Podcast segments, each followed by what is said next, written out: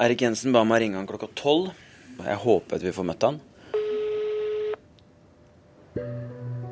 I januar starter det som blir den desidert største rettssaken i 2017. Det blir heftig. For første gang er en norsk politimann tiltalt for grov korrupsjon og for å ha hjulpet til med å smugle tonnevis med hasj. Ikke sikkert at den tar den. Jeg heter Runar Henriksen Jørstad, er krimreporter i NRK og har dekka mange store saker. Men denne, den er annerledes. Det står så mye på spill. Blir Eirik Jensen dømt, er det tidenes fall for en norsk politimann og krise for et helt politi. Blir han frikjent, har en av Norges mest betrodde politimenn blitt urettmessig mistenkeliggjort, noen vil si hengt ut, i over tre år. Runar Jørstad, NRK. Ja, hei. Hei. Har du litt tid? Ja, Sentral politileder siktet for grov korrupsjon. skal ha vært med på å smugle 14 tonn narkotika. Dette er jo den alvorligste tiltalen som er presentert for en politiansatt noen gang i norsk historie. Men han var jo purk på sin hals. I det kriminelle miljøet så var det jo så så jubel. Det var jo gode nyheter.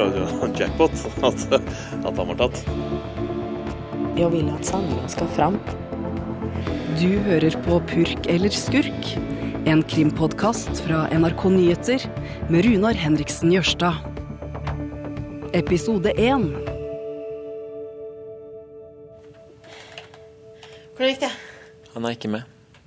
What? Vil ikke. Han sier Tar det retten. Gidder ikke å ha noen flere saker eh, i media. Sammen med Irina Kjelle, som du akkurat hørte stemmen til, og Martin Giæver skal jeg nøste i historien om Eirik Jensen. Jeg skal ikke felle noen dom over han, det er det opp til retten å gjøre. Mitt mål er å finne ut hva slags fyr han er. Hvordan har han jobba? Hvilke metoder og triks har han brukt for å få informasjon fra kriminelle? Og stoler folk på han? Er han en ærlig mann?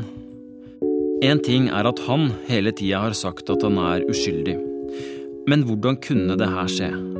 Hvordan kunne han, etter over 30 år i politiet, selv ende opp på tiltalebenken? Hvorfor mottok han en konvolutt med penger fra en kriminell? Hvorfor sender han en SMS til hasjimportøren Gjermund Cappelen der han skriver 'Kontoret er tynt bemanna'?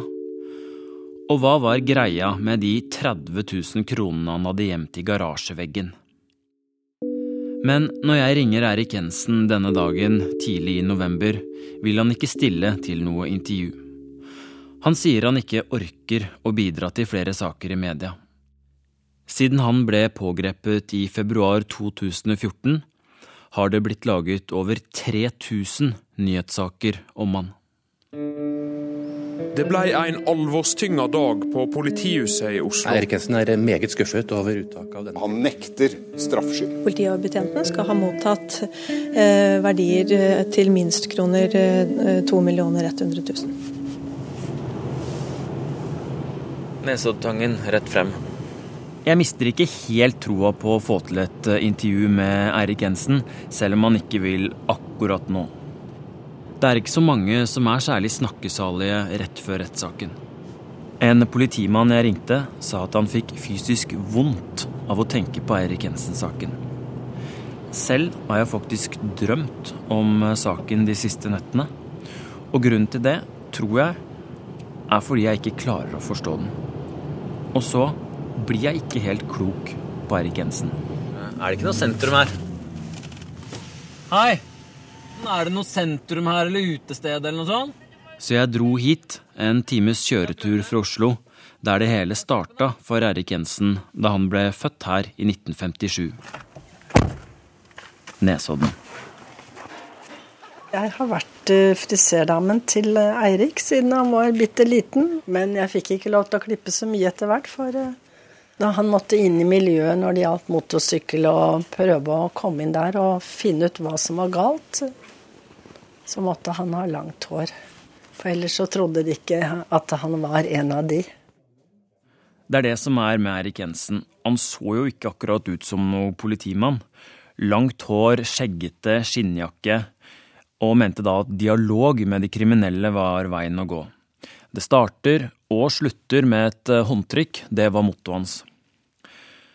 Nå er den 59 år gamle politimannen altså selv tiltalt i en sak som har en strafferamme på 21 års fengsel.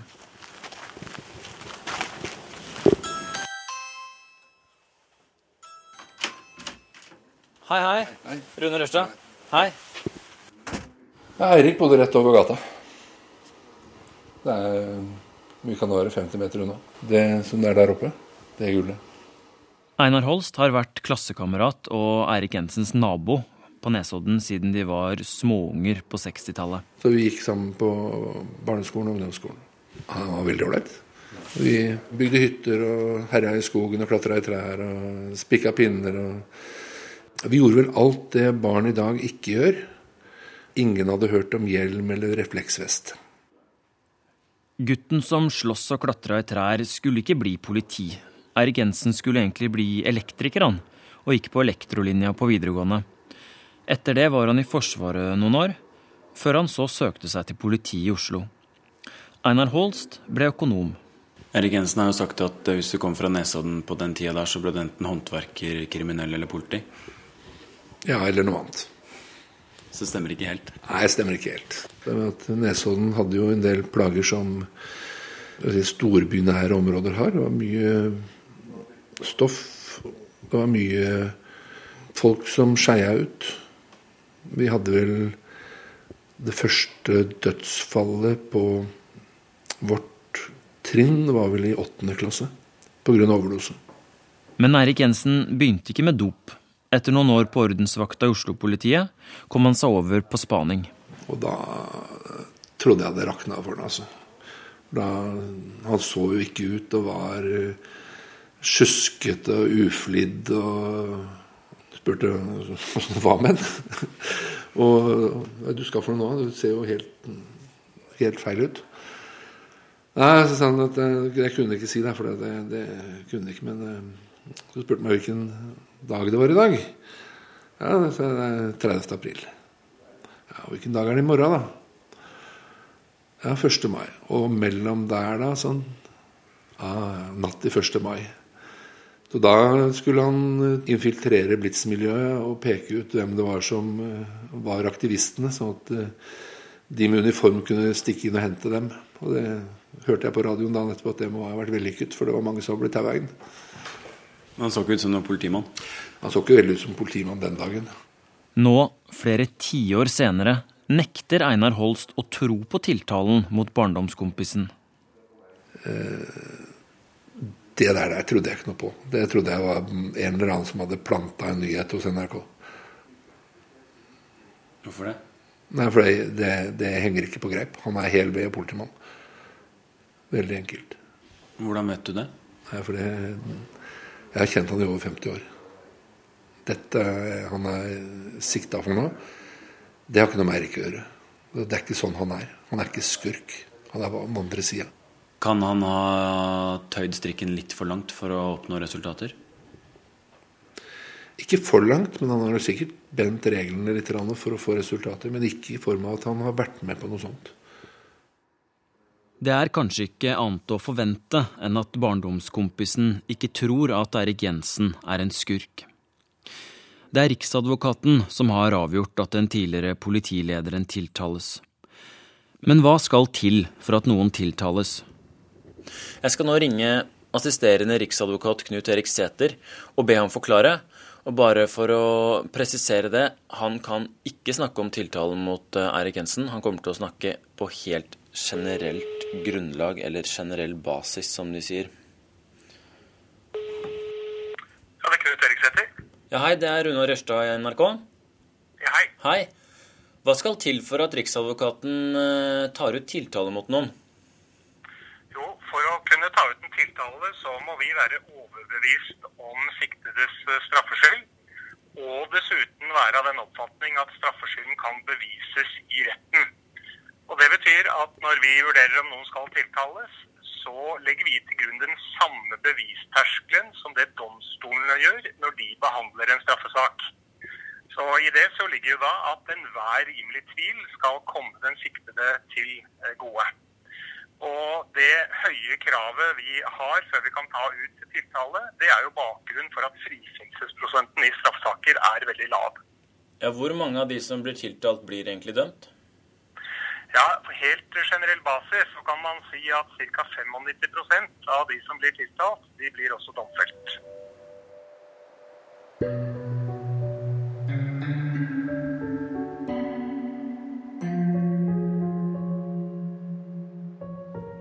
Jeg husker første gang jeg kom inn på kontoret til Eirik Jensen. Det er mer enn ti år siden nå. I stolen satt en skjeggete Branne med ring i øret og spiste takeaway-mat. Han sa han hadde jobba hele natta og trengte litt påfyll. Erik Jensen har jo beskrevet seg selv som en gategutt, ikke typen som går i uniform.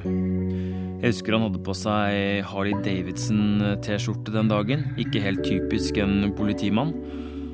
Og da han var tenåring, så stakk han av på moped fra lensmannen på Nesodden. Noen år senere kjøpte han seg sin første motorsykkel. Og det ble den store lidenskapen. Hvor henger man på Nesodden hvis man kjører Harley, da? Eh, jeg tipper de fleste som kjører Harley her på Nesodden, er medlem av eh, motorsykkelklubben her ute. Hydra heter den.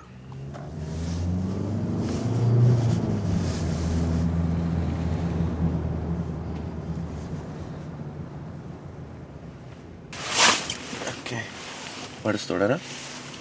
Hydra MC Nesodden står det der. Og utenfor klubbhuset deres eh, Det er mørkt og kaldt, men det er noe lys der. Og det syns jeg så en som akkurat gikk inn døra. Kollega Martin Giæver og jeg er litt usikre på taktikken nå.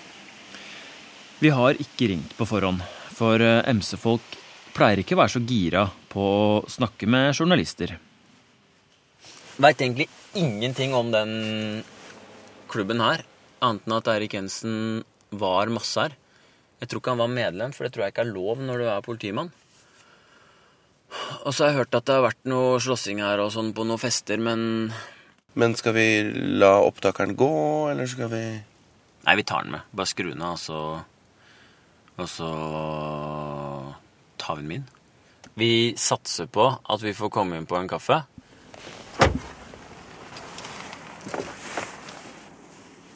Døra er åpen, så vi går bare rett inn. Som dere hører, er det hardrock på stereoanlegget. På veggene er det klubbsymboler, og i baren henger noen godt voksne mannfolk. Alle med like skinnvester. Planen er å spørre dem hva slags fyr Eirik Jensen er. Om han er typen som kan ha gjort det han nå er tiltalt for. Fått penger i bytte mot hemmelig politiinformasjon og hjulpet en kjeltring med å smugle 14 tonn hasj. Om han er en ærlig mann, en de stoler på. Vi blir ikke kasta ut. I stedet får vi vafler og kaffe, mens de drikker vodka og cola. Det er tross alt lørdag kveld, da. De forteller oss om Jensen og Nesodden og motorsykler, og stemningen er egentlig ganske god. Og jo mer klokka blir, jo mindre blir skepsisen til journalister. Men vi får ikke noe intervju med dem i kveld. Hva tenker du om det vi snakka om? Nei, vi får uh, kose oss med kaffen i dag, og så får vi komme tilbake uh, senere. Så kan vi ta en prat om Eirik sammen med de som har vokst opp sammen med Eirik. Dere har litt å fortelle? Nei, så fordi at han var en hyggelig kar når vi vokste opp sammen. Så utover det så har vi ikke noe mer å si. Da håper jeg vi ses til uka. Den får vi til. Det ble ikke noe neste uke. De ville ikke likevel. Så jeg fikk ikke på tape at de fortalte om hvordan de mener Eirik Jensen rydda opp, og var med på å hindre at MC-krigen mellom klubber som Hells Angels og Bandidos bare eskalerte på slutten av 80- og begynnelsen av 90-tallet. For at jeg skal forstå meg bedre på Eirik Jensen, så trenger jeg å snakke med folk som var en del av MC-miljøet på den tida Jensen herja rundt. For samtidig som han selv var en biker, leda han også politiets innsats mot de kriminelt belasta MC-klubbene. Problemet er at dette er et av landets vanskeligste miljøer å få i tale. De er ekstremt lukka. Men det fins heldigvis en som vil prate. Nordmannen som har blitt omtalt som verdens farligste mann. HF, der er det. Eneste leiligheten der det er en pistol på veggen. Hei, hei. Hei. Rune Rørstad. Ja. Hei. Jeg skal bare titte i postkassa. Gjør det. Opp ei bratt trapp kommer en svær fyr, sikkert 1,90 høy. Selv om Tore Henki Holm Hansen har blitt bestefar, er han fortsatt hard i klypa. Han har langt, hvitt hår i hestehale, svart hatt og svarte klær. I 1981 ble han dømt til 60 års fengsel i USA, men han stakk av før rettssaken. Jeg kom hjem i 81, da hadde Se og Hør. To sider i overskrift. 'Verdens farligste mann'. Dommen er nå ferdigsona, Hansen har gjort opp for seg og flytta tilbake til Norge. Vi setter oss i sofaen nede i den mørke sokkelleiligheten han bor i for tida.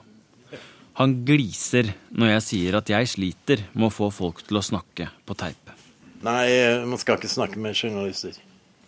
Nei, fordi at journalister har alltid tar og vrir en story til dens egen fordel, for de skal jo selge. De skal jo selge historien. Så at Altså, jeg er ikke en stilling som kan skade noen i klubbmiljøet. Jeg skader kun meg sjøl, hvis du finner på å vri på det jeg har sagt, til egen fordel. Mens hvis jeg hadde talt på vegne av en klubb, da kunne jeg ikke, da måtte jeg bare holde kjeft. Tore Henki Holm Hansen er blitt 72 år og MC-pensjonist. Nå har han spart til lange negler og blitt entertainer. Another time, a brand new lover. Look out, foolheart. Han blir omtalt som en legende i MC-miljøet. Han var europaleder for MC-klubben Altlås på 90-tallet og har vært involvert i flere skyteepisoder. Han har kjørt motorsykkel hele livet og ble tidlig kjent med Eirik Jensen. Jeg ble vel uh, kjent uh, med Eirik gjennom disse MC-klubbene som eksisterte da, som Hydra ute på Nesodden. Han bodde jo der og pleide å vanke på puben deres i helgene. Min mening er Eirik rund i kantene, kjører motorsykkel, litt uh, Hva skal vi si uh, Omgjengelig. For det er sånn han klarer å skaffe seg opplysninger på. Uh, mener at han er kjøpende. Niks. Men han var jo purk på sin hals. Men det er det Spesialenheten for politisaker mener. At Eirik Jensen var kjøpende. Jeg må innrømme at jeg skvatt da jeg leste tiltalen for første gang, for den er heftig. Vi går kjapt gjennom den nå mens Hansen tar seg en røyk, siden ikke alle husker alt. Spesialenheten påstår at politimannen Eirik Jensen hjalp en hasjimportør fra Bærum med å smugle 14 tonn hasj til Norge. Han heter Gjermund Cappelen, og du skal få høre mye mer om han senere. Men altså, Spesialenheten mener Eirik Jensen varsla Cappelen om når det var minst risikabelt å smugle hasj inn til Norge, og om politifolk var på jakt etter Cappelen. Jensen har sendt SMS-er til Cappelen der han har skrevet ting som kontroll her, stille, solskinn, feriemodus over hele linja eller kontoret er tynt bemanna. Som takk for informasjonen mener Spesialenheten at Erik Jensen har fått over to millioner av Gjermund Cappelen. Jeg må innrømme at jeg synes de tekstmeldingene der er litt rare. Hvorfor skriver han det der? Men Erik Jensen nekter for at SMS-ene har noe som helst med smugling eller korrupsjon å gjøre. Han sier det er blomsterspråk, som han kaller det, et kodespråk politiet bruker med informanter, så det ikke skal bli avslørt.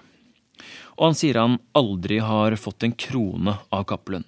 Pengene i konvolutten, som senere endte opp i garasjeveggen, var ifølge Jensen tilbakebetaling av et lån. Tore Heikki Holm Hansen er ikke i tvil.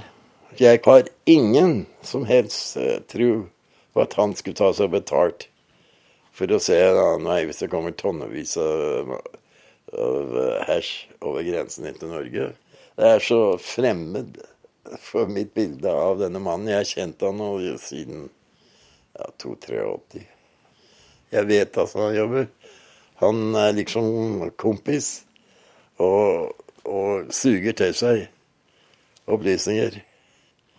Og han forteller en ellevill historie om at Jensen en gang skal ha varsla ham om at han skulle kidnappes av politiet og utleveres til USA. Det hadde kommet en Telex inn uh, som utlovde en belønning på 200 000 dollar for å kidnappe meg og overlevere meg på en navngitt uh, grenseovergang mellom Danmark og Tyskland.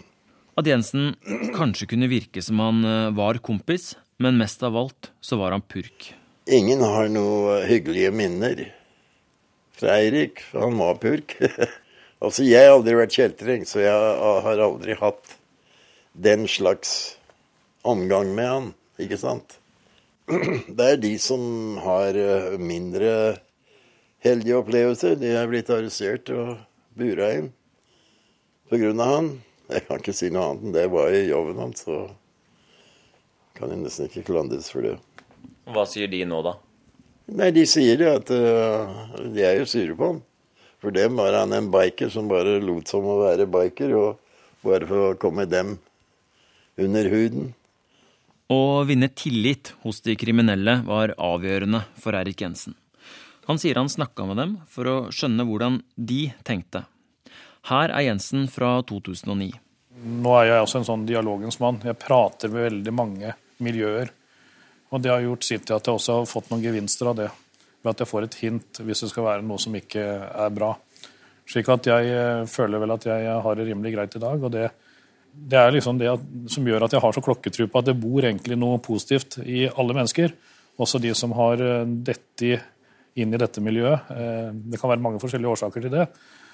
Og, og det er litt av liksom kongstanken her, det at du skal kunne bygge tillit. Og det må gå begge veier. Og det kan høres ut som det funka ganske ofte. Likevel smalt det skikkelig i 2006. To menn er skadet etter å ha blitt skutt på Aker Brygge i Oslo i kveld. I det pakistanske gjengmiljøet var stemningen nå på kokepunktet, eller litt over. Så skjedde det igjen. Pakistanske gjenger braker sammen i Oslo sentrum. Minst ni skudd eh, blir avfyrt i oppgjøret på åpen gate mellom Young-Guns og Beingen. Det hadde vært flere skyteepisoder i eh, gjengmiljøet den siste tida, men Aker Brygge-skytinga ble et vendepunkt. Politiet bestemte seg for å knuse gjengmiljøet. Eirik Jensen blir bedt om å lede prosjektet, som blir døpt X-Ray. Og gjengmedlemmene sier de fort merka at politiet hadde en ny strategi. Der, ja. Hei, hei. Rune Røisa. Hei. Du ser ikke så gangster ut nå? Nei, nei, nei. Nei da, vi er ferdig med den tid. Ja, Familiepappa nå. Vi setter oss ned, bare. Ja. Mikael Ali knepper opp dressjakka og setter seg ned. Han er fortsatt en røslig kar, selv om han ikke lenger spiser anabole steroider til frokost. Så var jo bare flaks at ingen ble drept bak i brygge, f.eks. Han sier han var medlem av Young Guns fra 2002 til 2010, og ett av gjengmedlemmene Jensen kjempa mot. Jeg var ganske ustabil. Hvis jeg er på kafeen her, da, hvis en av mine fiender hadde jobba her, jeg kunne gått inn døra her og skutt den rett ned foran jobben, liksom, her og nå. Så, så sinnssyk var jeg, liksom.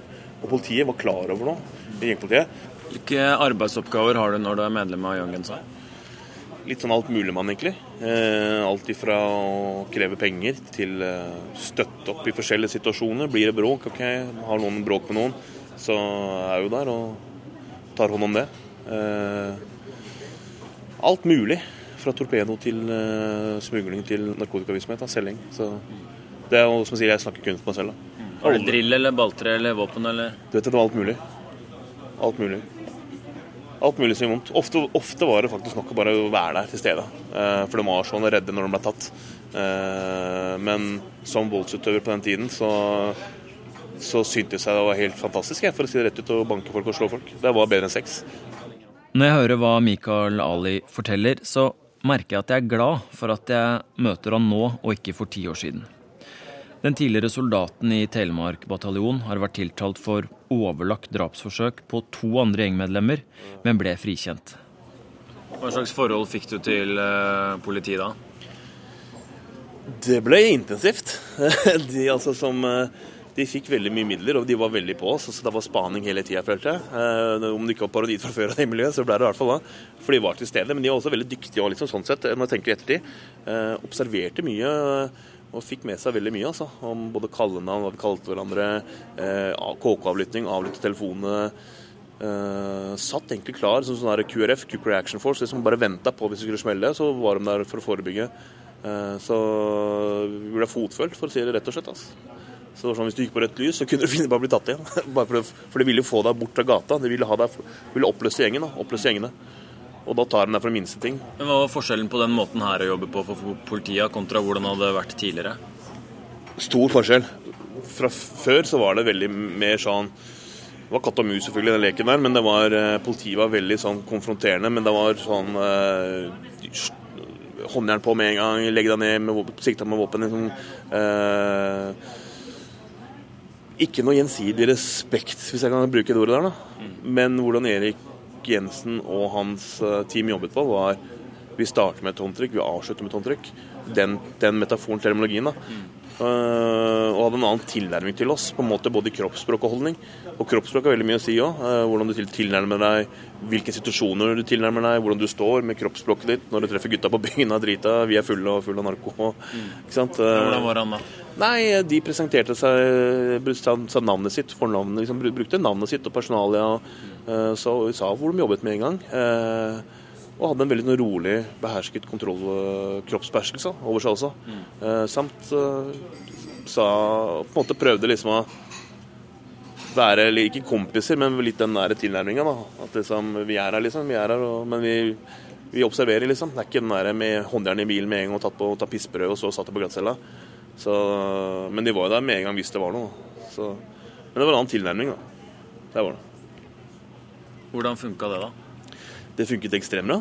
Resultatet blir jo til at eh, altså Når det gjelder arbeidet de gjorde, så ble det til at det ble flere straffesaker. Fikk flere av de sentrale medlemmene bort. Eh, satt i fengsel. Og det var planen. Og jo flere de fikk bort, eh, jo verre ble det for gjengene å tjene penger. ikke sant? Holde kontaktene, vedlikeholde kontaktene. Eh, tok, gikk også etter pengene våre. Eh, og når du da ikke har penger, så er det det er ikke så mye handel som kan foregå. Eh, men selvfølgelig det er måneder å gjøre det på. Men, men eh, de var effektive og fikk satt bort en del eh, sentrale skikkelser. Mm. Så de klarte å oppløse en del av gjengmiljøene. De gjorde det. Det tette forholdet ga tydeligvis resultater. Men metodene til Eirik Jensen var omstridte innad i politiet. Kunne man bli for kompis med de kriminelle? Jensen var definitivt ikke bare kompis forteller Mikael Ali. I 2006, i den omfattende saken mot Rasul-familien, gikk det så langt at Jensen selv ble trua på livet. Aksjonen ble gjennomført i tett samarbeid med norsk politi. Samtidig arresterte norsk politi framtredende medlemmer av B-gjengen. Drøyt 80 polititjenestemenn var med på aksjonen, der 15 personer ble innbrakt. Det har vært en bevisst satsing fra oss å se på økonomiske tilganger for en del sentrale gjengmedlemmer. Det var vel én episode der han uh, tråkka litt over teamet hans uh, på en måte når de gikk og tok familiemedlemmer i et visst miljø. Uh, der både mor og far ble arrestert i en operasjon. Det er ikke greit liksom, å ta moren og faren til folk, da, uansett hvilken gjeng du er i. Det er jævla respektløst, spesielt i forhold til pakistansk kultur og skikk. Så det ble ikke godt mottatt. Fem av Rasul-brødrene ble dømt til fengsel for grovt helleri. Noen dømmes også for utpressing og trygdesvindel. Verdier for millioner inndras. Leiligheter i Brasil, klokker, diamantøredobber, gullkjeder. Erik Jensen var storfornøyd. Det var ikke B-gjengen. I 2008 Før rettssaken starta, fikk politiet informasjon om at flere medlemmer av B-gjengen ville ha hevn og planla å drepe en sentral politileder. Politiet skrev i sin rapport at sitat, dette var for å vise styrke og gjenopprette familiens tapte ære. Prosjektlederen merket kort tid etter at det hadde vært uvedkommende personer på hans bopel. Den sentrale politilederen var Eirik Jensen. Men politiet var jo veldig på og oppsøkte da bevisst også disse medlemmene i gjengene det gjaldt. da, Og sa at dere ligger rolig, liksom. Dere skal ikke prøve dere. Drapsplanene mot Jensen ble lagt på hylla, men han forble en upopulær fyr i gjengmiljøene. Noe som ble tydelig da det var han som ble pågrepet og sikta i 2014. Men Hvordan var reaksjonen når Erik Jensen ble tatt, da? Reaksjonen var jo i det kriminelle miljøet så var det jo så så jubel. Eh, det var jo gode nyheter. Det var jackpot at, at han var tatt. Når jeg hører det her, så tenker jeg hvor mange er det der ute som gjerne skulle ha sett at Erik Jensen ble dømt? Og kan det ha hatt noe påvirkning på det som har skjedd? Jeg vet ikke. Eh, Rasul-saken var ikke den eneste der kriminelle var ute etter eh, å ta Erik Jensen. Truslene hadde vært der i flere år. Det vet hun som levde sammen med politimannen. Hei, Rune. Hei. Var turen ni kom nå først? Har det vært dårlig her? Nei, men eh, en kvart innan vi ni kom, så satt jeg i det fønsteret med geværet så her. Nei. Jo, da sprang reven her nede i jævelskapet. Nei. Jo, jo, men. Men du skyter den, da? Hva sa du? Nei, Har du han, tenkt å eh, skyte den? Ja, det er klart. Du skyter reven? Ja, jeg skyter det jeg kan skyte. Skal gå på fyra ben. Ja, kom inn, da. Mycket väl kommer jag ihåg att han hadde hade en som hette GT. Han blev kallad för GT. Fast han hette ju egentligen Gjermund Toru. Men han har bytt namn nu till Kaplan tror jag. Erik och GT hade ju mye, mycket, mycket, mycket nära kontakt. Nästan dagligen. Så var det några telefonsamtal och prat om dittan och dattan. Och lite så här att... eh, Ja, man hörde saker.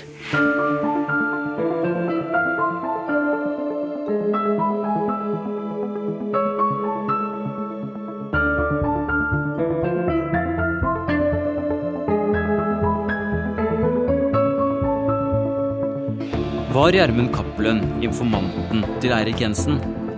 Eller var det politimannen som ga hasjimportøren informasjon? Og hva slags fyr er egentlig den påståtte narkobaronen fra Bærum? Hør mer i episode to av krimpodkasten Purk eller skurk. Vi som lager Purk eller Skurk, heter Runar Henriksen Jørstad, Lillian Grønning, Martin Giæver og Irina Kjelle. Musikken den er av Jane Kelly og Sindre Hotvedt.